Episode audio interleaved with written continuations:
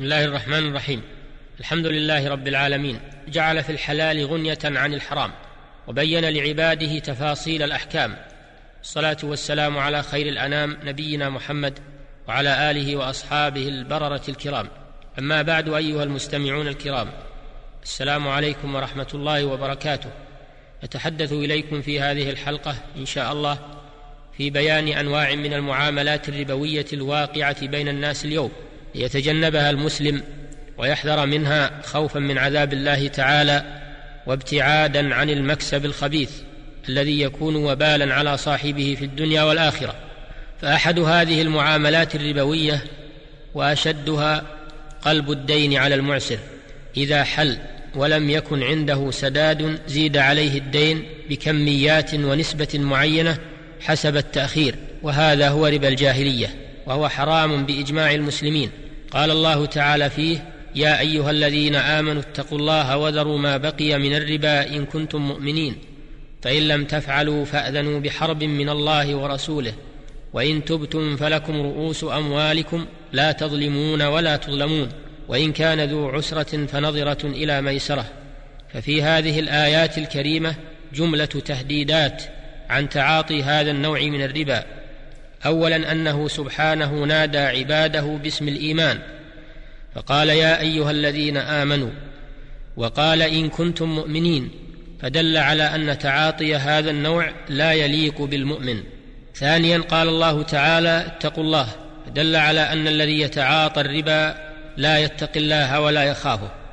ثالثا قال تعالى وذروا ما بقي من الربا أي اتركوا هذا اي اتركوا وهذا أمر بترك الربا والأمر يفيد الوجوب فدل على أن من يتعاطى الربا قد عصى الله سبحانه وتعالى.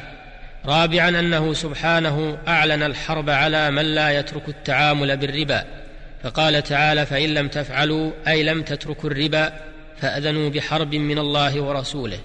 أي اعلموا أنكم محاربون لله ولرسوله ومن يستطيع محاربة الله ورسوله. رابعا أنه سبحانه سمى المرابي ظالما. وذلك في قوله تعالى فلكم رؤوس أموالكم لا تظلمون ولا تظلمون ومن المعاملات الربوية القرض بالفائدة بأن يقرضه شيئا بشرط أن يوفيه أكثر منه أو يدفع إليه مبلغا من المال على أن يوفيه أكثر منه بنسبة معينة كما هو المستعمل في البنوك وهو ربا صريح. فالبنوك تقوم بعقد صفقات القروض بينها وبين ذوي الحاجات وأرباب التجارات وأصحاب المصانع والحرف المختلفة فتدفع لهؤلاء مبالغ من المال نظير فائدة محددة بنسبة مئوية معينة. تزداد هذه النسبة في حالة التأخر عن السداد في الموعد المحدد ويجتمع في ذلك الربا بنوعيه ربا الفضل وربا النسيئة. ومن المعاملات الربوية ما يجري في البنوك أيضا من الإيداع بالفائدة وهي الودائع الثابتة إلى أجل يتصرف فيها البنك إلى تمام الأجل ويدفع لصاحبها فائدة ثابتة بنسبة معينة في المئة كعشرة أو خمسة في المئة. ومن المعاملات الربوية بيع العينة وهي أن يبيع سلعة بثمن مؤجل على شخص ثم يعود ويشتريها منه بثمن حال أقل من الثمن المؤجل. وسميت هذه المعاملة بيع العينة لأن مشتري السلعة لأن مشتري السلعة إلى أجل يأخذ بدلها عينا أي نقدا حاضرا. والبيع بهذه الصورة إنما هو حيلة للتوصل إلى الربا.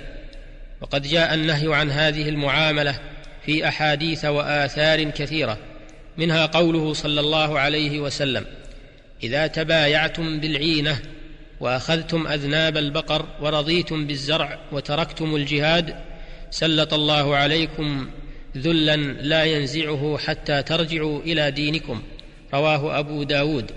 وقال صلى الله عليه وسلم يأتي على الناس زمان يستحلون يستحلون الربا بالبيع. وهذه المعاملة تجري بين كثير من الناس.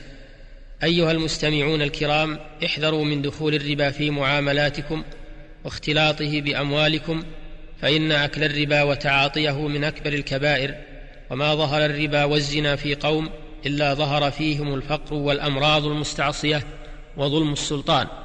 والربا يهلك الأموال ويمحق البركات. لقد شدد الله الوعيد على آكل الربا وجعل أكله من أفحش الخبائث وأكبر الكبائر. وبين عقوبة المرابي في الدنيا والآخرة وأخبر أنه محارب لله ولرسوله فعقوبته في الدنيا أنه يمحق بركة المال ويعرض المال للتلف والزوال فكم تسمعون من تلف الأموال العظيمة بالحريق والغرق والفيضان؟ فيصبح أهلها فقراء بين الناس بسبب التعامل بالربا. وإن بقيت هذه الأموال الربوية بأيدي أصحابها فهي ممحوقة البركة لا ينتفعون منها بشيء وإنما يقاسون أتعابها ويتحملون حسابها ويصلون عذابها. والمرابي مبغض عند الله ومبغض عند خلقه لأنه يأخذ ولا يعطي لأنه يجمع ويمنع لأنه لا ينفق ولا يتصدق لأنه شحيح جشع جموع منوع. تنفر منه القلوب وينبذه المجتمع الذي يعيش فيه. وهذه عقوبة عاجلة وعقوبته الآجلة أشد وأبقى كما بينها الله تعالى في كتابه وما ذاك إلا لأن الربا مكسب خبيث وسحت ضار وكابوس ثقيل على المجتمعات البشرية. نسأل الله السلامة منه. وإلى الحلقة القادمة بإذن الله تعالى. السلام عليكم ورحمة الله وبركاته. والحمد لله رب العالمين وصلى الله وسلم على نبينا محمد وآله وصحبه.